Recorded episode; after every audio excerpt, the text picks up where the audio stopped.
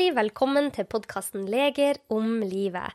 Mitt navn er Anette Dragland, og jeg jobber som lege. Jeg har laga denne podkasten for å formidle nyttig og spennende og ny kunnskap om kropp, helse og sinn. I dag skal vi snakke om et tema som kanskje veldig mange av dere har vært borti. For vi skal snakke om parforhold og parproblemer. Og med meg har jeg spesialist i allmennmedisin og fastlege i Arendal, Siri Dalsmo Berge. Hun er ph.d.-stipendiat ved Universitetet i Bergen, hvor hun forsker på hvordan fastlegene håndterer samlivsproblemer i konsultasjoner.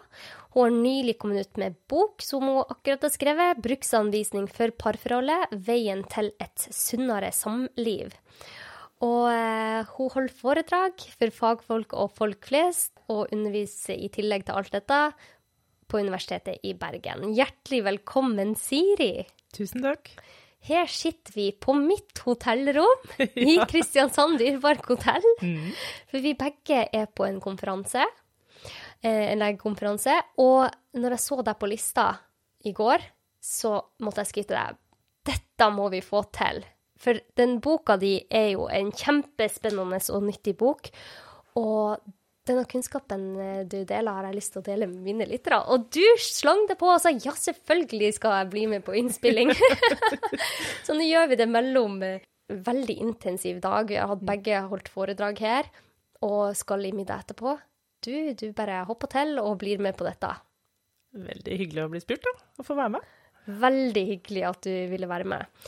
Du har skrevet en bok om eh, parforhold. Bruksanvisning for parforholdet. Hvorfor har du skrevet denne boka? Ja, det kan du si. Det starta med et ønske om å få ut litt mer informasjon om sammenhengen mellom eh, samliv og nære relasjoner og helse. Og så var det eh, litt sånn tanke fram og tilbake. Hvordan skal en vinkle det? Hvordan skal en få det ut på en måte som gjør at det blir interessant? Mm. Så det var, var, noen runder der. Eh, men tanken i utgangspunktet var jo at jeg ønska å få ut litt mer informasjon om det her til, til folk flest, men også til uh, mine kollegaer.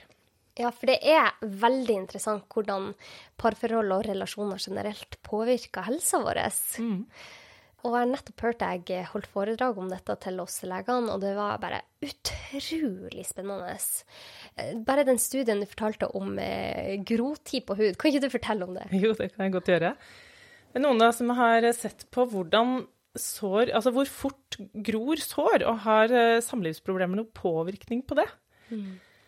Og jeg syns det er interessant noe som folk kommer på, da.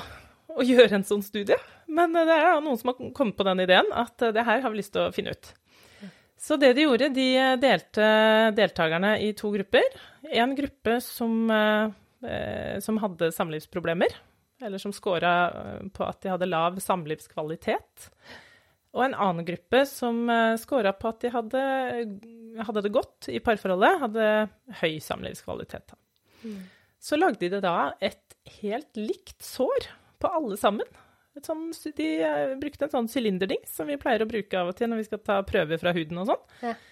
Det, det, brukte de til å lage et uh, akkurat like stort sår på alle sammen. Mm. Jeg tror det var fem millimeter. Og så uh, begynte de å telle dager. Og så så de da på hvor lang tid tar det før det her såret er helt grodd. Og da så de at på, hos de som hadde det vanskelig i parforholdet, så tok det i gjennomsnitt ti dager lengre før de såra var helt grodd når de sammenligna da i forhold til de andre som hadde det bra i samlivet. Tenk det. Det er litt fascinerende. Altså, tenk at forhold har så mye å si for helsa mm. vår. OK. Eh, så du leste disse studiene og tenkte at dette må du skrive om? Ja, eh, og det var jo eh, Mye av det her materialet var jo noe jeg jobba med i forbindelse med den doktorgraden som jeg fortsatt holder på med. Ja. At jeg kom over mye nyttig informasjon der, og så tenkte jeg at det her det her må jo flere få vite om. Ja. Og så skriver vi jo litt i de her forskningsartiklene, men det er jo ikke så mange som, uh, som sitter og leser de. så, så, da måtte jeg skrive det på en annen måte for at det skulle være litt mer interessant, da. Men denne forskninga, dette var kun med parforhold, ikke sant? Det er ikke med andre relasjoner? det man gjort. Ja, akkurat den studien uh, handla om parforhold. Ja. Men uh, du har et eget kapittel i boka som heter 'Dårlig stemning, dårligere immunforsvar'. Hva, mm. hva legger du i det? Nei, altså det som Det er jo gjort en del studier der en ser at uh, det her med Hvis man strever i parforholdet, da, blant annet. Det er det jeg har sett mest på, de studiene som handler om par. Hvis man strever i parforholdet, så påvirker det immunforsvaret veldig sånn konkret. Altså, de kan måle det. Og de har bl.a. sett på, eh, på, par altså, som de har observert. De har bedt de sitte og eh, snakke om et konfliktfylt tema i ti minutter. Og så har de sett på da hvordan det påvirker de forskjellige, altså forskjellige sånn spesifikke immunstoffer at du får mer eller mindre av de, eh, alt etter hvordan en klarer å håndtere en sånn konflikt. Om en gjør det på en eh, konstruktiv og god måte, eller om en gjør det på en veldig sånn altså en negativ måte da, som, har, som gjør at man har, har det dårlig. Ja. For alle krangler jo, bare så det er sagt. ikke sant? Enten du er i et godt parforhold eller et dårlig et. Alle har konflikter. Men det handler jo om hvordan man, hvordan man håndterer det. da. Men hvordan vet man om at man har et godt parforhold eller et dårlig et? For det er jo mange som kan tenke at de har et dårlig parforhold fordi at de av og til krangler. Men mm. det sier jo du at det er relativt normalt. Det er veldig normalt. og det er jo også sånn at altså, Det er jo noen som har telt opp da, hvor vanlig er det å ikke bli enig, og ikke få løst konfliktene. Ja. Da har en jo sett at i både dårlige og gode parforhold så er det sånn opp mot 70% ca. 69% av alle konfliktene dere har ja. i parforholdet, de kommer dere aldri til å få løst. Er det sant? Og det er jo, tenker jeg Det er jo For det kan være litt sånn nedslående å høre. Ja. Samtidig så tenker jeg at det er, det er jo litt deilig òg, da. For det er, okay, det er kanskje ikke så unormal. Nei. Og så er det kanskje noen ting som en tenker at det, ja, OK, hvis vi aldri kommer til å bli enige likevel, så kan vi bare la det ligge, da. Ja. Og så bare være enige om at her uh, er vi uenige. Så ikke alle konflikter skal løses opp i? Nei. Det, det er rett og slett litt sånn uh, bortkasta tid, tenker jeg. Ja. Men, uh, men samtidig så er det jo veldig mye som en ikke blir enige om, som en likevel kan håndtere på en bedre måte. Ja. Ikke sant? Og det går an å finne kompromisser og sånt som gjør at, uh, at stemninga blir litt bedre likevel. Dette må vi komme nærmere inn på. Men før det, hvordan vet man om man er i et forhold som er godt, eller et forhold som ikke er eh, optimalt? Altså, når en måler det, Eh, i forhold til studier og sånn, så er jo det veldig sånn subjektivt, egentlig. Eh, om en eh, føler at eh, man har det bra eller ikke. Det, det fins ganske mange forskjellige sånne måleverktøy. Eh, noen har masse spørsmål. Eh, noen har bare ett, og noen har noen få. Men da, da ser en jo den, Hvis vi tar det ene spørsmålet, da, som bare er ett spørsmål ja, ja. Det er jo det enkleste. Ja. Og det har en sett har ganske god eh, Altså, det, du får ganske like resultater fra det ene spørsmålet som du får fra sånn en pakke med veldig med mange, mange spørsmål. Mm. Og da har de rett og slett stilt et spørsmål der de har sagt på en Hvis du tar en skala fra null til ti Ti er en sånn superbra Du tenker du kunne ikke hatt det bedre i parforholdet. Ja. Og null, det er skikkelig dårlig. Altså det dårligste parforholdet du kan se for deg. Ja. Og hvor vil du sjøl da plassere deg på den skalaen i forhold til det parforholdet du har nå? Og det en ser, er at eh, bare en sånn en egenvurdering, da, kan gi en eh, det, gir, altså, det sier jo ikke så mye om hva man strever med, men det kan si litt om, det sier litt om en har problemer eller ikke, i forhold til liksom, hvor høyt eller lavt du kommer på den skalaen. Eh, så det her er jo en veldig sånn subjektiv greie. Ja. Altså enten har, syns du sjøl at du har det bra, eller syns, syns du sjøl at du har det dårlig. Ja. Ja. Men så er det jo også sånn at det her svinger. Mm. ikke sant? Du kan jo spørre meg på én dag åssen min samlivskvalitet er. Ja. Og få et veldig annerledes svar enn dagen etterpå. ja. ja, det er jo akkurat det. Ja, så, hvor, så, skal man prøve å ta snittet mellom, gjennom ja, ikke dager? Sant? Så det er, jo, det er, jo, litt sånn når du spør, men, men, jeg tenker det handler jo om hvordan det er sånn all over. Ja. ja.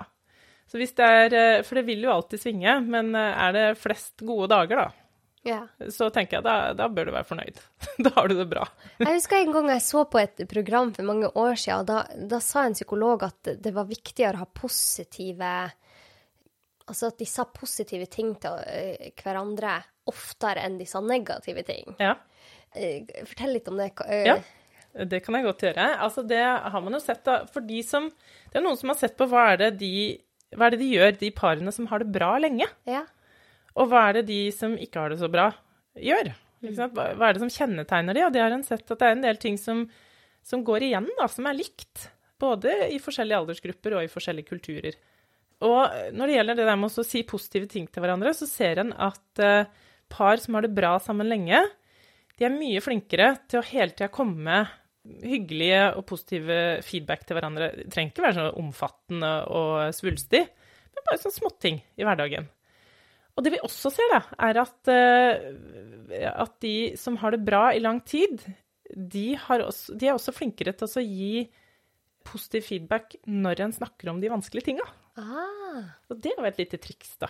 Det er jo ikke alltid så lett når, når en står midt i det Ja. og er kanskje litt trigga og irritert. Men, eh, men hvis en kan få til det, så glir jo samtalen mye lettere, og det er større sjanse for at en faktisk kan finne en eller annen eh, enten løsning eller kompromiss eller en måte å håndtere det på. Og det er jo noe tall på det, da. Er ikke det litt interessant? Jo, det vil jeg gjerne høre. Ja, hva er det jeg tenkte meg? Tallenerder. For det en ser, er at de som har det bra lenge, over lang tid, eh, så, i gode perioder, når ikke det, vi snakker konflikt, men i, ellers, så kommer de med ca. 20, altså i gjennomsnitt 20 positive henvendelser til partneren sin for hver negative. Oi, oi, oi. Det er ganske mye. Ja. Ja. Så jeg tenker at eh, jeg har mye å lære der. og så ser vi at da når de snakker om et konfliktfylt tema, Ja. så klarer de til og med da å komme med fem positive henvendelser for hver negative. Og det syns jo jeg er veldig imponerende. Hvordan får de til det? Ja, det lurer jeg òg på. Men eh, det jo Det er jo mange ting som påvirker det, selvfølgelig. Og det som er litt kult, er at det går an å lære det her. Det går an å øve på det. Og det går an å bli flinkere. Treng, det er vanskelig å gå fra liksom, minus minus eh, antall eh, positive per negative til eh, 20 Ja. i en smell. Ja. Men du kan jo tenke at du skal ta én, én ting mer, da. Mm. Eh, I morgen. For det handler bare om å si 'Å, tusen takk for at du tok ut søpla'. Ja, det er akkurat det. Ja. Og du kan si det om sånne Du kan jo begynne med sånne selvfølgeligheter. Altså sånne ting som du tenker at det Hvorfor skal jeg komme noe positivt på grunn, altså, i forhold til det? Det er jo bare en selvfølge at han eller hun gjør det. Mm. Jeg skulle bare mangle. Du må jo bidra. Men, men så kan du jo velge, da, og så si at du setter pris på det likevel, og så se åssen effekt det har. For det viser forskninga at har god effekt. Ja, det har faktisk det. OK. Oh, dette, jeg kjenner at jeg syns dette er skikkelig interessant, eh, Siri, så jeg skjønner godt at du har skrevet bok om det. Men fortell mer. Hva, eh, hva, hvordan ser forskninga eh, forskjellen på parforhold som får det til? Hva er forskjellen på parforhold som får det til, og de som ikke får det til? For jeg har jo lest litt av Gottmann sin forskning, og jeg vil gjerne høre hva, hva du tenker om eh, forskjellene her. Ja. Det som en ser kanskje den viktigste tingen, det handler om å gi respons. Det at en eh, Altså, én ting er de her positive tinga, men enda viktigere er bare det å gi en eller annen respons. Og det trenger ikke være mye. Det hand- her er ikke noe avansert kommunikasjon i det hele tatt. Det kan være en så liten ting som at du eh, kikker eh, ut av vinduet mens du kjører bil, og så kommenterer du et eller annet på utsida. Og da er det utrolig stor forskjell på om eh, den andre som sitter i bilen, ikke sier noen ting, ikke, altså virker som vedkommende ikke har hørt det, nesten, Ja. eller om bare sier hm, ja. Ja. Og det er jo ganske lett. tenker Ja. Hm, ja. Det kan alle få til. Det kan vi få til, Ja. Siri. Og det, det som er litt fascinerende, det er at uh, en har jo sett at altså, den forskjellen da, på å få, et, få noe taust tilbake, eller få et sånn hm, ja, tilbake, den kan vi måle. Eh, og vi kan måle det på enkelte stoffer i immunforsvaret, blant annet. Nei. Det er jo litt uh, kult. For at når man ikke får respons, så kan man bli sånn på vakt. Hva er det som skjer her? Hvorfor Ja, det er liksom, man føler seg ikke så sett, da. Og det er jo litt det som mange, i hvert fall jeg opplever på fastlegekontoret, Eh, at de som kommer og, snakker om at, at, de strever litt i parforholdet, f.eks., så handler det ofte om å ikke føle seg sett. Mm. Og ser, det som viser seg, er jo at når den ene ikke føler seg sett, så er det jo ofte sånn for den andre òg. Mm. Det her eh, Det er jo noe handler jo noe om samspill her. Mm. Så, så, det der med å gi respons, da, det tenker jeg er en ganske sånn enkel ting. Respons trenger jo ikke være bare et hm, ja. Det kan jo også være faktisk en hel setning, eller, eller litt mm. mer. Ja. Men det kan òg være helt uten ord. Altså et godt blikk. Det kan òg være en god respons. Mm. Eller uh, å få uh, at, at, man får um, Det kan være fysisk kontakt på et eller annet vis. Det å bli tatt på, det blir holdt rundt. Det òg god respons, som gjør at en skjønner at noen andre har registrert at den fins. Hmm. Så respons er noe man ser i dataen har mye å si mm. for om det, du er i et godt forhold eller ikke. Ja. Eller om det kommer til å fungere over tid, det her. Ja. Mm. OK. Jeg har et par ting til. Ja, Vil du tell ha det òg? Tell ja. me more. ja, for det er nemlig en annen ting òg. For jeg sa jo det i stad, ikke sant, om uh, dette med konflikter. At alle har konflikter. Og det er litt forskjellig hvordan man håndterer de. Men det vi ser da, som kanskje er det viktigste, det er eh, at de som har det bra over lang tid, de er flinke på det vi kaller å reparere. Å reparere, det betyr å bli venner igjen, rett og slett, etterpå. Og det er jo mange måter å gjøre det på. Kanskje like mange måter som det fins par. Hvem vet? For det er jo liksom man må finne sin greie. Eh, for noen så kan jo det å reparere være å rett og slett bare si vet du, nå merker jeg at denne eh, samtalen her går helt i stå, og her, vi sier dumme ting begge to, og det funker ikke. Mm. Kan vi bare spole tilbake, så setter vi en strek, og så prøver vi en gang til. Det kan være én reparasjon. En annen reparasjon kan være å rett og slett hente en kopp kaffe. Eller eh, kanskje sette på en, eh, en noe musikk som du vet at partneren din liker. Mm. Det kan være å holde rundt. For noen er sex en veldig god reparasjon. Så det er, det er, mye forskjellig, og her er det jo liksom bare fantasien egentlig som setter grenser for hva som funker som reparasjon for dere. Mm. Og så tenker jeg det er lurt å sjekke ut litt da med partneren. Hvis du føler at det du prøver på eh, Du tenker at du gjør noe reparasjon, det virker ikke som partneren catcher det i det hele tatt. Kan du jo si 'vet du, nå prøvde jeg å reparere litt'. Fikk du det med deg? Mm, ja. og så kan det jo hende at i hvert fall hvis begge er kjent med begrepet ikke sant, og vet hva det er, eh, så kan det hende at partneren ikke fikk det med seg, fordi at det her var ikke noe som resonnerte noe særlig i den andre. Mm. Og da går det an å rett og slett spørre hva, hva kunne jeg gjort isteden? Har, har du noen tips til åssen jeg kan reparere og bli flinkere til dette her neste gang? Og så kan du justere deg inn. Og det syns jeg er veldig artig, for at, det er så forskjellig fra parforhold til parforhold. Mm. Jeg har ei god venninne, og hun forteller at når hun har krangla med samboeren, så hans måte å reparere på når hun vet at han prøver å reparere, så går han på kjøkkenet og begynner å lage mat mm. til dem. ja, det er ikke sant? og, og, jeg tenker at det er så fint. Vi har forskjellige måter å prøve å, å komme seg inn på den andre. Ja. Men eh, sier forskninga noe om tid etter en krangel? Altså, at, har det noe å si hvor lang tid det tar før man prøver å reparere? Ja, det kan Altså, noen klarer å reparere ganske fort. Men hvis man har Altså, hvis en har gira seg veldig opp innvendig, for å si det sånn eh, Og det kan man jo gjøre litt sånn uavhengig av åssen det ser ut på utsida. Ja. Eh, man kan jo se ut som det steinansiktet, og se ut som en ikke bryr seg i det hele tatt, men så er det jo fullt kaos på innsida. Mm. Mye som skjer. Eller man kan være så sinna og sur som bare det, og kjenne at nå er jeg så trigga. ikke sant? Jeg er så Så jeg klarer ikke å liksom, finne roen. Jeg klarer ikke å tenke klart, da. For den er helt uh, En er liksom, har kobla ut den der fornuftsbiten. Ja. Og det er jo fort gjort i en sånn situasjon. Ja, ja, ja. ja der har vi sikkert alle vært. Og det vi ser, er at hvis man først har liksom kommet dit, da, at den har kobla ut. Det er jo noen som da har sett på liksom, hvor høy må pulsen være for at du har kommet til den, eh, den modusen. Og da ser de at uh, hvis pulsen er sånn ca. over 100 per minutt, 100 slag per minutt, da har stort sett fornuften kobla litt ut. Og du handler mer på uh, autopilot, egentlig.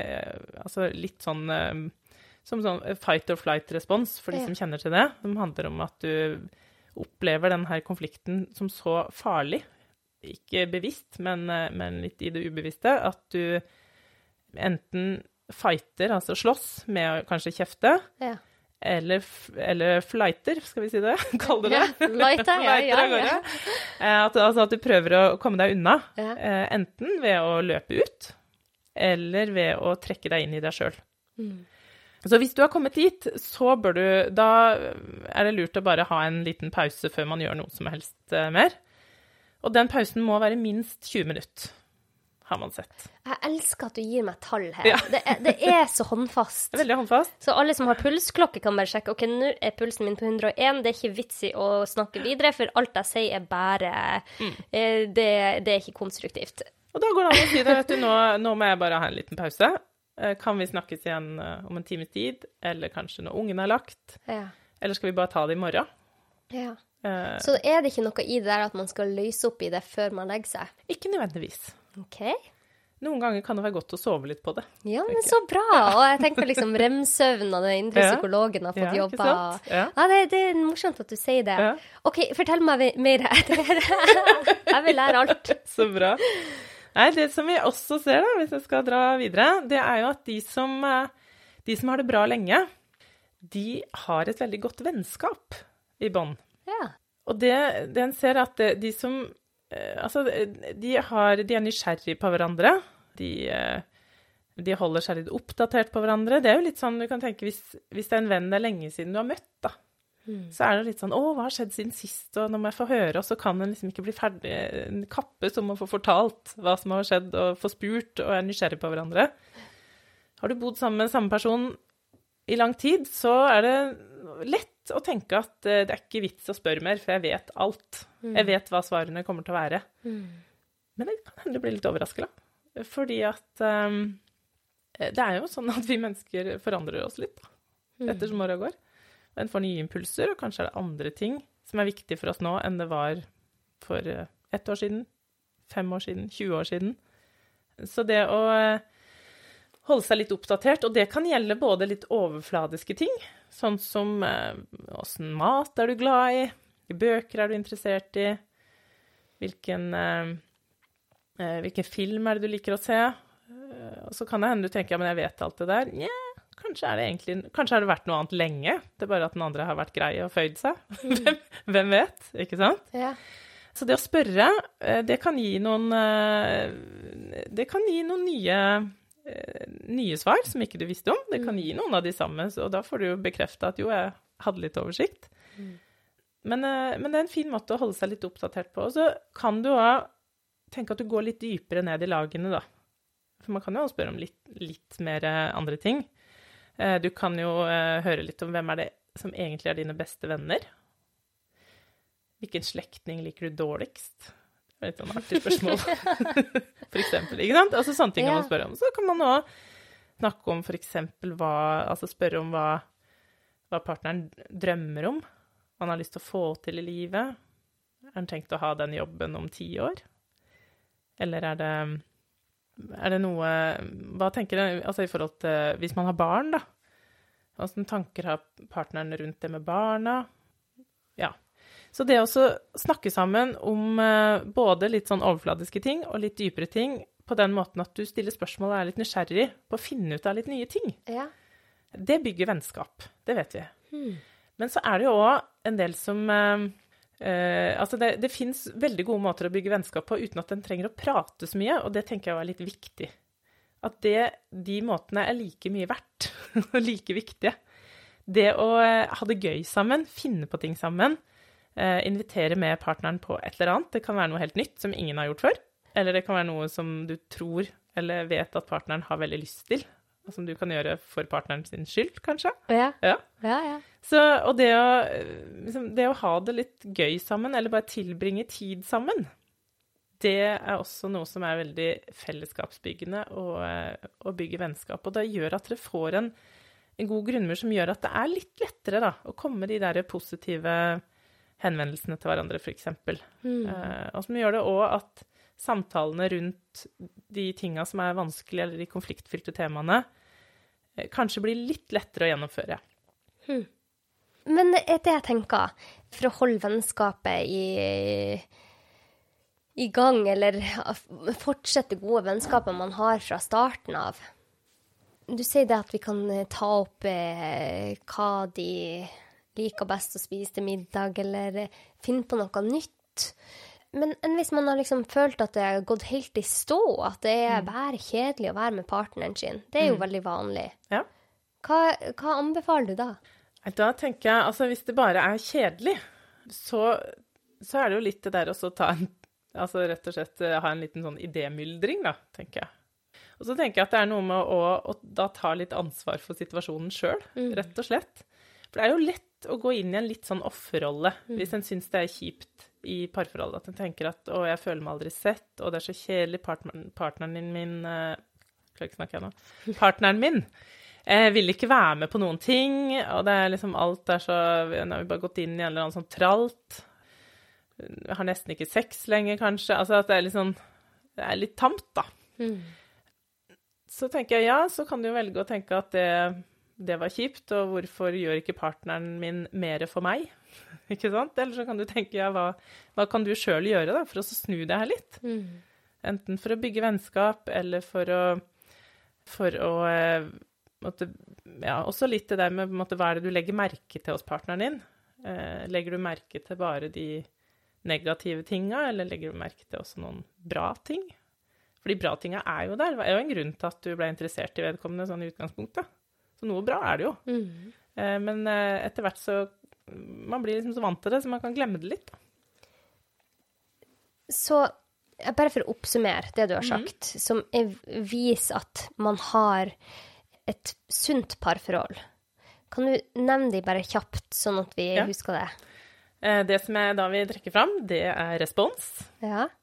og eh, det å reparere, og det å bygge vennskap. Mm, det er viktig. Det er viktige elementer. Det ser mm. Og vi skal gå videre etterpå eh, med hva vi kan gjøre for å ha det godt med partneren hele livet. Men før det så må jeg spørre deg om noen flere ting. Du snakker jo om Du skriver jo i boka eh, at vi er forskjellige typer krangletyper. Ja. Hva, hva det betyr? Du, det, det er fra, fra Gottmann sin forskning, akkurat det der. Og det handler om at vi har litt forskjellige måter å krangle på. Eh, eller måter å eh, være på når vi er i en konflikt. Og da har de kommet fram til at det er fire, eh, fire typiske måter å være på som, som de fleste kan passe inn i. Altså, de fleste passer inn i minst én av de. Og veldig mange av oss er gode på alle. Jeg mestrer alle fire metodene, det kan jeg bare si. Men ofte så har vi en favoritt, da, som vi kanskje er litt, litt flinkere til. Og de fire krangletypene, eh, det handler om at man eh, er kritiker, altså gir kritikk. Så man blir veldig sånn «Åh, 'Hvorfor har ikke du rydda gangen?' Nå kommer jeg hjem kjempesliten, og så har du ikke gjort en dritt. Ikke sant? Eller så er man kanskje en som lett går i forsvar. Ja, det kan være, da er du litt mer på den, ja, men herlighet, og lett tror du det har vært for meg? Altså, jeg har hatt masse å gjøre der. Jeg har ordna med Ungene skulle jo gjøre lekser, og det tok litt tid. Og så skulle de kjøres på aktiviteter, og det var noe eh, middag som skulle lages. Og sånn, hva forventer du egentlig av meg? Da er man mer på forsvar. Så fins det en litt sånn mer avansert form for forsvar. Det er mer at du går til litt sånn motangrep. Det er mer typen Ja, hva har du gjort for familien i det siste, da? Ja. Ikke sant? Og så har du eh, det vi kaller for forakt, som eh, ja, på et vis er å dra kritikken enda litt lenger, da. Der du er enda mer på eh, Der du er enda mer at, du, at du retter det mot personligheten til den andre i større grad, og det den andre er. Og da er det kanskje mer Hvis vi fortsatt holder oss til den rotete gangen, da. så handler det mer om eh, eh, Altså, hvorfor har ikke du rydda den gangen? Du bryr deg ikke om oss, du. Du er så innmari egoistisk. Tenker bare på deg sjøl. Skjønner ikke at det er viktig for oss andre med ting. Du bare har fokus på hva som er viktig for deg, for at du skal ha det bra. Men oss andre hm, null. Og da er du mer ikke sant, på at du, at du går mer på person, da. Og så har vi da den eh, typen som heter eh, Som har fått litt forskjellige navn her og der, men vi kan kalle den for isfront. Og det handler om at eh, Det var det jeg nevnte i stad. Altså når du går i, i flight, da, ikke sant. Så at du bare trekker deg unna. Og du kan trekke deg unna mens du er der, fysisk i rommet, ved å bare bli helt stille. Det er det også mange som blir. Helt stille, og på utsida så ser det ut som at den ikke bryr seg, og ofte inni hodet så tenker han at hvis jeg bare nå står, sitter stille lenge nok og ikke sier noen ting, så stopper sikkert det her, for det er så vondt og vanskelig å høre på. Eh, men det går sikkert over snart. Og de, de fire kranglemetodene der, det ser vi, det er noe som går igjen overalt. Uh, uavhengig av alder, også i flere kulturer. Så har en det i litt sånn forskjellige varianter, selvfølgelig. Uh, men jeg tror nok at alle som hørte på nå, i hvert fall kjente igjen partneren sin. Det er jo gjerne den man kjenner igjen først. Ja, ja, ja. Og så hvis man reflekterer litt, da, så kan jo hende en klare å kjenne igjen seg sjøl òg. Men hvorfor er det viktig å, å vite litt om dette? Hva, hva har Gottmann sin forskning vist på dette? Det som er viktig, tenker jeg, det er jo å Altså, det ene er jo at det er Ved å bruke de teknikkene, så eskalerer det jo bare konflikten. Det blir bare verre. I tillegg så ser en jo at de som bruker det her mye Altså alle bruker det, bare for å ha sagt det. Det er ingen som aldri driver med dette her. Mm. Alle gjør det. Men uh, det handler jo litt om i hvor stor grad, og det handler litt om å gå ned til å reparere etterpå. Men de som gjør det mye, der det er mye av det og veldig lite av de andre positive tinga, da ser en jo at det også har påvirkning på stresshormoner i kroppen og på immunforsvar, f.eks., som en kan måle. Mm. Og den som kanskje er den typen da, de her som har aller størst påvirkning, er, er nok forakten, ser det ut til. Mm.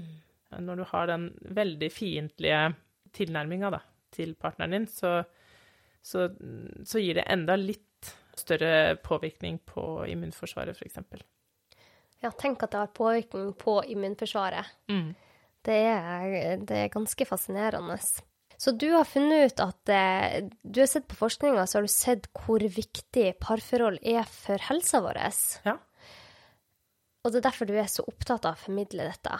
Ja, det er, ja, eh, for jeg tenker at som, som fastlege, da, mm. så driver vi jo med en del eh, Altså vi, vi, gir jo en del råd i forhold til livsstilsendring, ikke sant? Med tanke på både fysisk aktivitet og kosthold, røyking.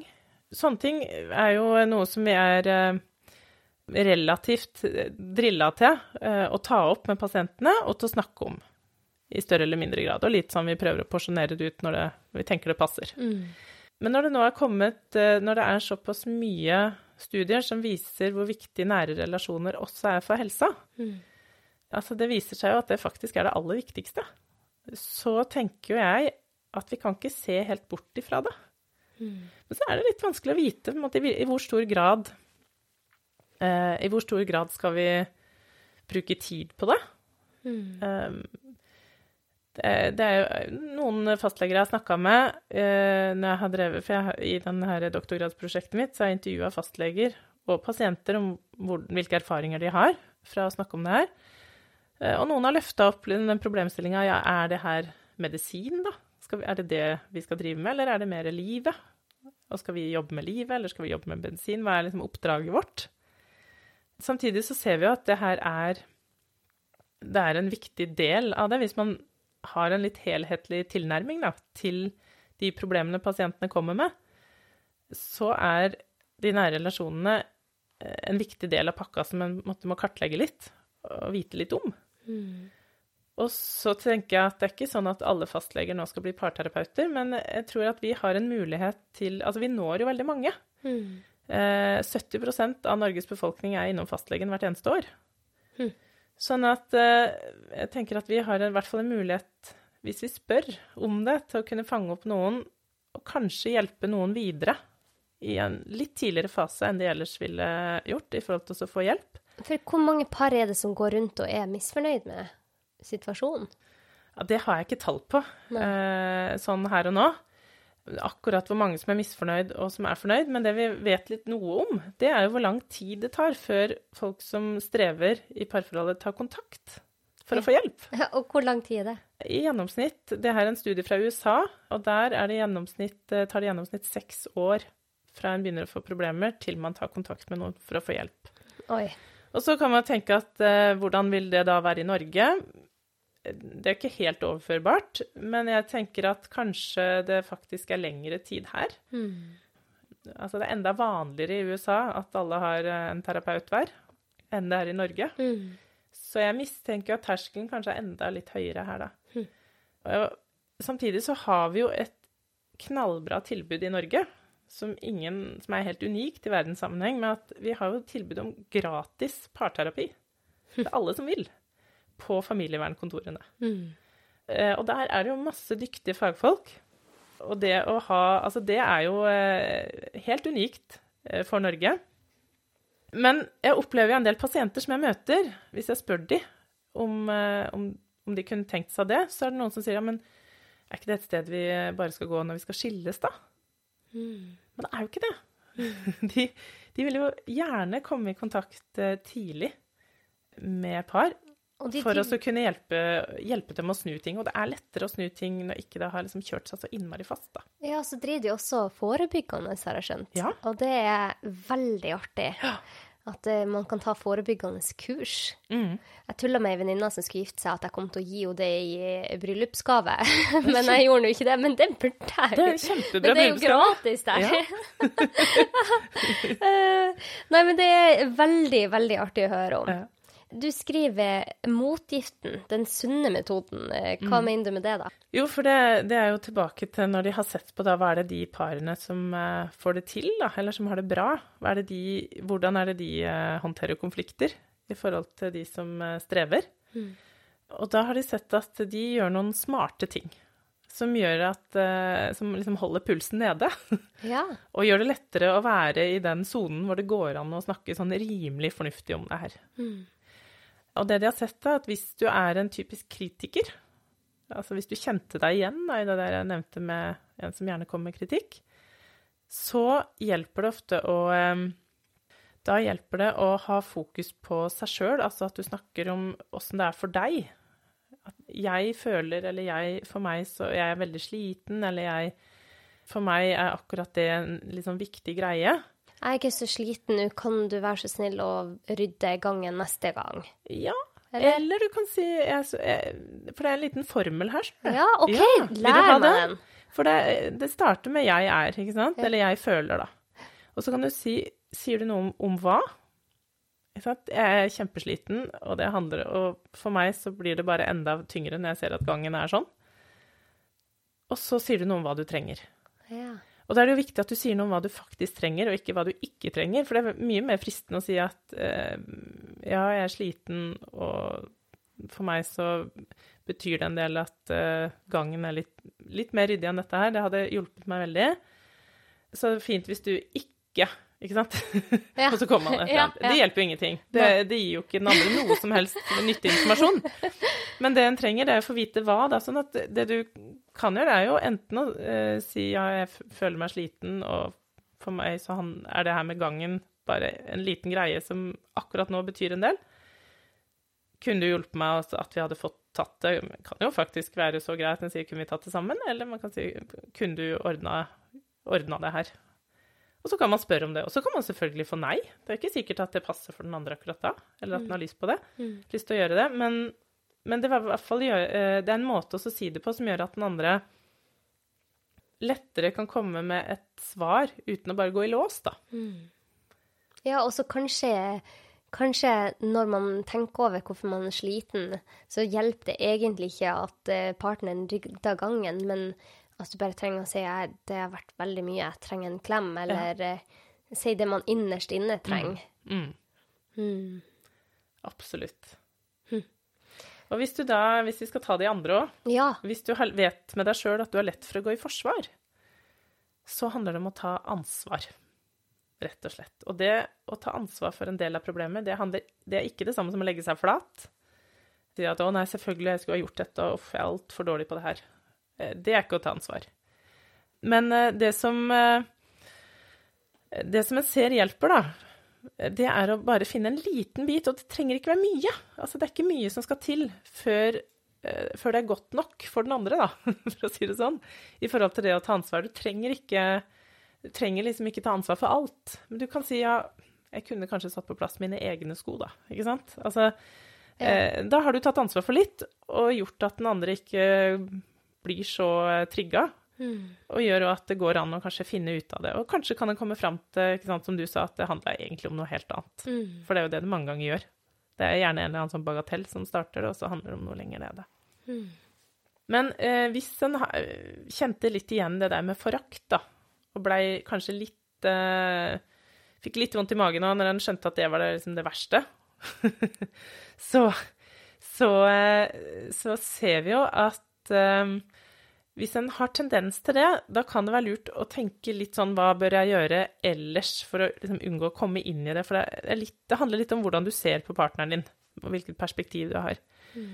Så det å bruke litt eh, krefter på å være litt bevisst på å leite etter hva som du faktisk setter pris på hos partneren din, hva du tenker er bra, hvilke gode egenskaper partneren din har, eller hva Sånn som vi snakka om sant, litt tidligere her, der, de der selvfølgelighetene som du kanskje kan velge å sette pris på, da.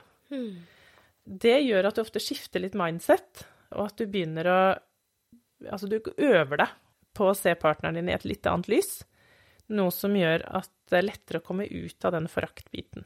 Skal man øve seg utafor krangelen, da? Ja, det er det, det er det, jeg tenker. Ja, mm, så prøv å se partneren med positive briller på i hverdagen, mm. og da er det lettere å, å, se de også når man er i en konflikt der den ene mener at den andre er roten til alt vondt. Ja, for da er, er det lettere å kanskje i hvert fall komme over i kritikken, da.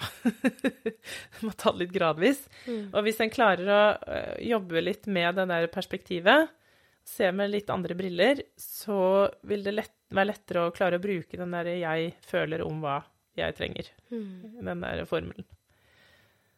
Og så er det jo sånn at hvis du er um, Hvis du kjente deg veldig igjen at det der at du pleier å bare bli helt stille i en, uh, i en krangel eller i en konflikt, så handler det jo ofte om at det ikke er så stille på innsida, som jeg sa i stad. Så da er det ofte at en rett og slett trenger å bare få roa seg ned og øve litt på det, og lære det. Samtidig så er det en del også kanskje av de som blir stille, som har litt lett for å unngå Altså at det blir litt sånn en slags unngåelsesatferd i forhold til å skulle gå inn i de vanskelige tinga. Mm. At en da kanskje må øve seg litt, da. Først roe ned. Det er viktig. Først liksom få ned pulsen, gjøre et eller annet som gjør at en finner roen litt.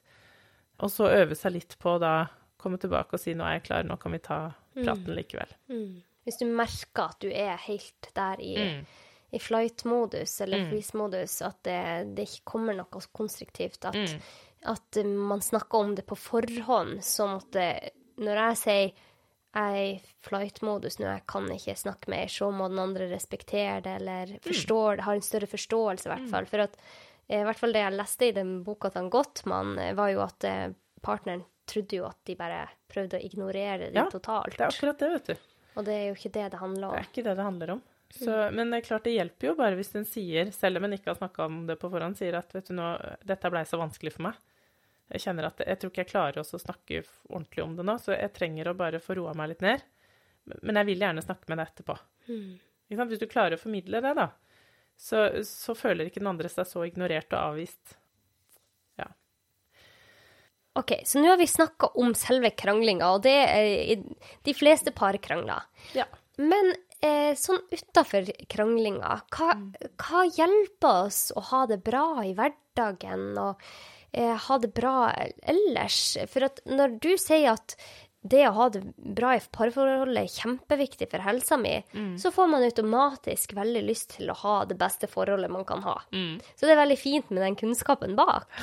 Hva, hva viser seg å være bra for oss ellers som par? Altså Det som kan være lurt, det er jo å ha noen sånn eh, Legge inn noen faste rutiner, tenker jeg. For det å ha litt sånne rutiner, det er fellesskapsbyggende det å sørge for at den, eh, den har noen eh, kontaktpunkter i løpet av dagen og i løpet av uka, som gjør det lettere å beholde den nærheten og tilhørigheten og tilknytninga. For det, hovedpoenget er ikke å liksom ha en sånn uh, flott tur en gang i året der vi liksom skikkelig slår på stortromma, og nå skal vi ha det bra, du. Ja. Det blir jo stort sett mislykka hvis man ikke har noe særlig bra ellers. Ja, ja, ja. Store forventninger og store ja. nedturer. Ja. Men det en ser er det aller viktigste, det er jo de små dryppene. Altså de små tinga vi gjør hele tida. Som kan være, sånn som vi nevnte, at det å være litt nysgjerrig på hverandre. Eh, det å respondere, selv om det bare er nesten ingenting. Ikke sant? Mm. Det å si eh, ha det når du drar på jobb. Mm. Det å si hei når du kommer hjem igjen. Det å si god natt. Det å si god morgen. Det høres jo veldig banalt ut. Men sånne små kontaktpunkter, og så kan man jo velge litt hva man gjør ut av det, selvfølgelig. Men det en ser, er at det er viktig. Og det som også er interessant, er hvis du ser på de parene som har et godt sexliv i mange år, over lang tid. Der er det også det her med vennskap eh, som en ser som kjennetegner de. De har et godt vennskap i bunn, de har tillit til hverandre. Og de, eh, altså de, de er litt rause med hverandre, rett og slett. Og så ser jeg nå at de ja, Hvis en skal over på det, da, at de, de prioriterer det. Altså for noen så er det Altså de prioriterer sex, da. De har det i kalenderen? Ja, noen har det. Ja, ok. Eh, rett og slett. Og det er jo litt sånn at gjennom livet så vil jo det der variere litt, og det vil jo eh, Hvor hektisk det er, ikke sant, for eksempel. Og noen eh, kanskje Altså noen steiler jo litt da når de hører at, noen, at man kan putte det inn i kalenderen, og syns det høres utrolig lite romantisk ut. Men, eh, men det er klart, i perioder da som livet er veldig hektisk, kanskje med både små barn og eh, mye jobb og andre mm, engasjementer på fritida, eh, så er nærhet, altså tid med partneren, enten det handler om eh, aktiviteter eller bare det å sitte sammen, eller det å ta en prat eller ha sex, det er typisk noe som blir nedprioritert. Mm. Jeg tenker det å, putte de tinga inn i kalenderen, for no, i noen perioder kan det være lurt. Og så kan du jo tenke deg at eh, ja, det er i hvert fall bedre å ha sex i kalenderen for å ha hatt det av og til, enn at det ikke blir noen ting. Ikke sant? Hvorfor er det bedre? Jeg pleier å si at det er to ting, særlig to ting, som skiller et eh, parforhold eller et kjæresteforhold fra et vennskap. Og det ene er at du har eh, en du kan ha sex med. Det andre er at du har en du kan krangle med. For begge deler er veldig intime handlinger, Ja. ikke sant? Det er altså, tenk eh, Drar jeg jo litt tilbake til kranglinga, det var ikke meninga. Jeg skal komme meg tilbake til sexen etterpå. Ja, Men- ja, ja. Men, men det at noen faktisk syns du er så viktig, da, at du er verdt å krangle med Mm. Det er ikke så lett å tenke det når du står midt i det, men, eh, men du kan gruble litt på det akkurat nå. Mm. For det er jo faktisk litt fint. Ja, Det er jo ikke noe vi gjør med hvem som helst. Nei, det Nei. er sant. Og når det gjelder det med sex, så er jo det også en Det er jo så nær du kan komme, praktisk talt, et annet menneske.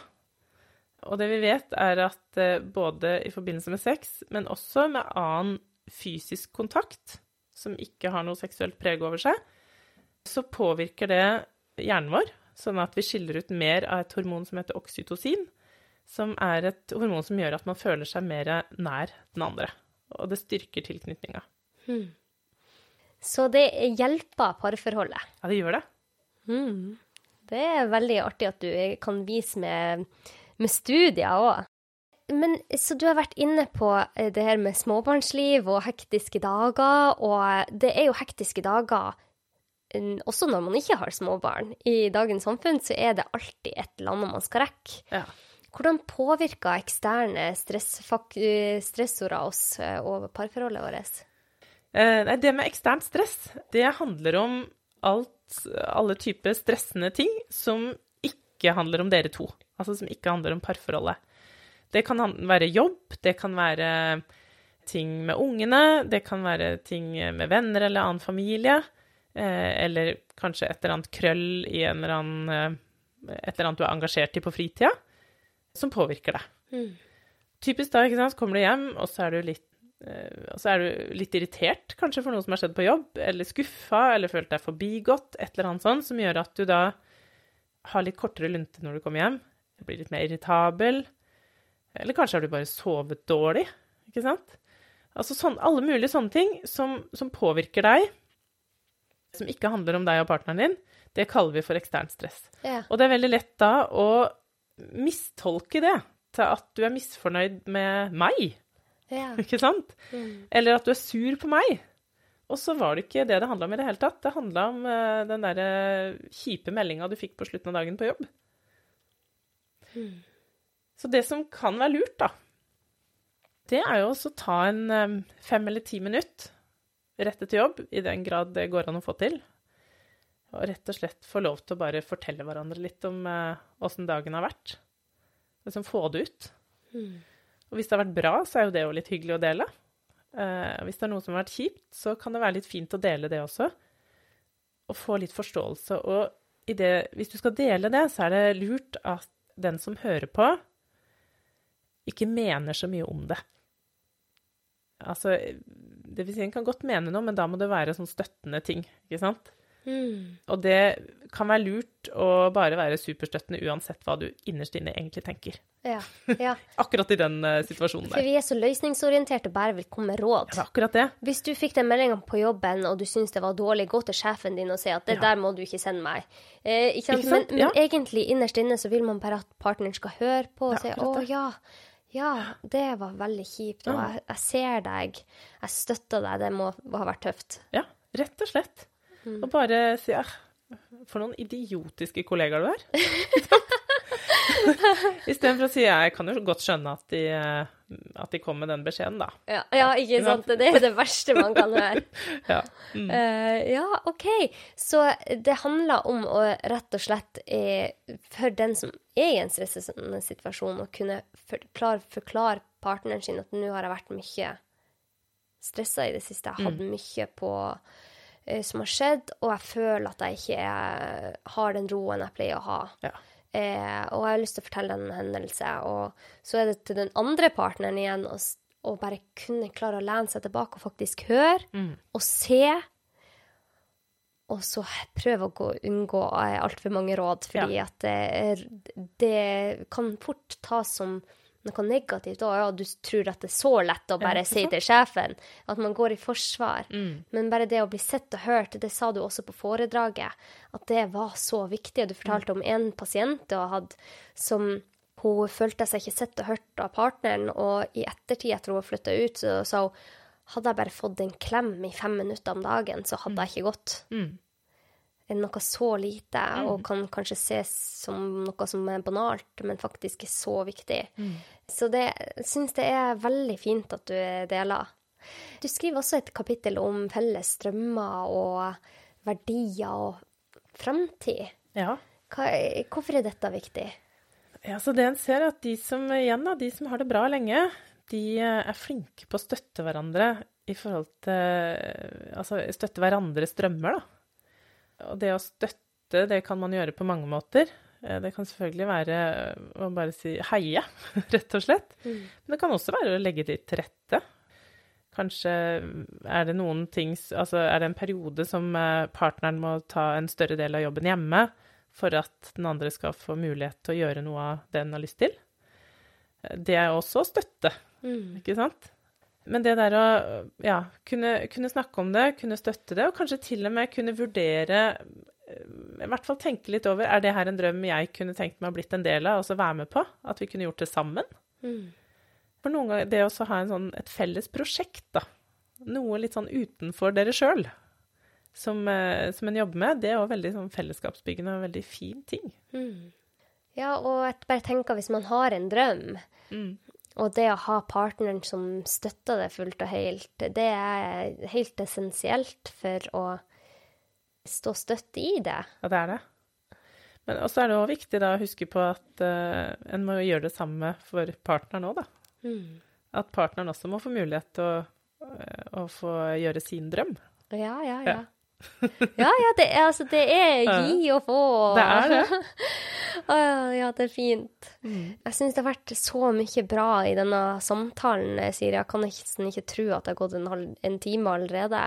For det, det her er et tema som er kjempeviktig, og du viser så godt med data og studier, og hvordan det påvirker ikke bare vår mentale helse, men også vår fysiske helse. Jeg er så glad for at du deler dette, for det, det blir mer kunnskap om det i befolkninga. Før vi skal eh, legge på, så pleier jeg å stille mine gjester noen siste spørsmål. Ja. Eh, og nå har ikke du hatt tid til å forberede noe som helst, men jeg tenker at det er fint at vi tar det litt på tampen her. Hva tenker du er viktig for oss eh, mennesker for å ha det godt? Hva, eh, jeg pleier å stille dette spørsmålet at hvis du visste at du måtte forlate planeten i dag, og du ikke vil komme tilbake, men at det var bare tre råd eller sitat eller noe du hadde brent inne med for å fortelle hele den norske befolkninga eller verden, hva ville det ha vært? ja. Da ville det vært eh, bruk tid på de som er viktige for deg. Altså de folka som, eh, som du vet betyr noe. Eh, For det er så lett å glemme i stresset og hverdagen og alt kjas og maset. Bruk tid med de. Og det trenger ikke være så innmari høy Altså masse fancy, kule ting man gjør, men bare, bare være sammen. Og ja, gjøre sånn helt enkle, hverdagslige ting. Det er fint. Og det har du fått vist verdien av i denne podkasten, altså. Tusen takk for at du tok deg tid til å være med. Er det noe sted mine lyttere kan nå deg? Det kan de. De kan finne meg på Instagram. Ja? Der heter jeg Siri Dalsmo Berge. Det er ikke så avansert. Ja? Og eh, eh, de finner meg også på Facebook, men eh, mest finner de på Instagram. Samme her. Det er Ja. litt lettere. Ja. Men supert. Eh, og boka kan man kjøpe i alle bokforhandlere. Ja. Du hadde stand her oppe nå i dag, og de bare føyk ut. Det gjorde de.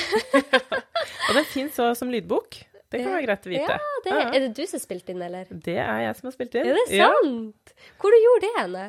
det gjorde jeg på eh, et studio eh, hos forlaget. Oi, Mm. spennende. For at eh, nå når jeg er blitt eh, så interessert i lyd, så det er ganske mange ting man må tenke på når Ja. man skal spille inn noe. Og det ser jeg, nå skjønner jeg hvorfor du var så god på å lande deg til sides når du eh, skulle hoste eller sånn, for du, du vet hvor mye det påvirka lyden. Å, det er herlig. Nei, men tusen takk for at du tok deg tid, Siri. Tusen takk for at jeg fikk komme. Og hvis dere syns at denne episoden var til nytte, eller tenker at dette hadde vært veldig viktig info for venninna eller kompisen, så send den til dem. Det er sånn vi får ut den gode kunnskapen. Og hvis dere vil nå meg, så når dere meg på Doktor Anette Dragland på Instagram. Og så vil jeg benytte anledninga til å takke alle dere som abonnerer. Og med det så ønsker vi dere en kjempefin dag med eller uten partner.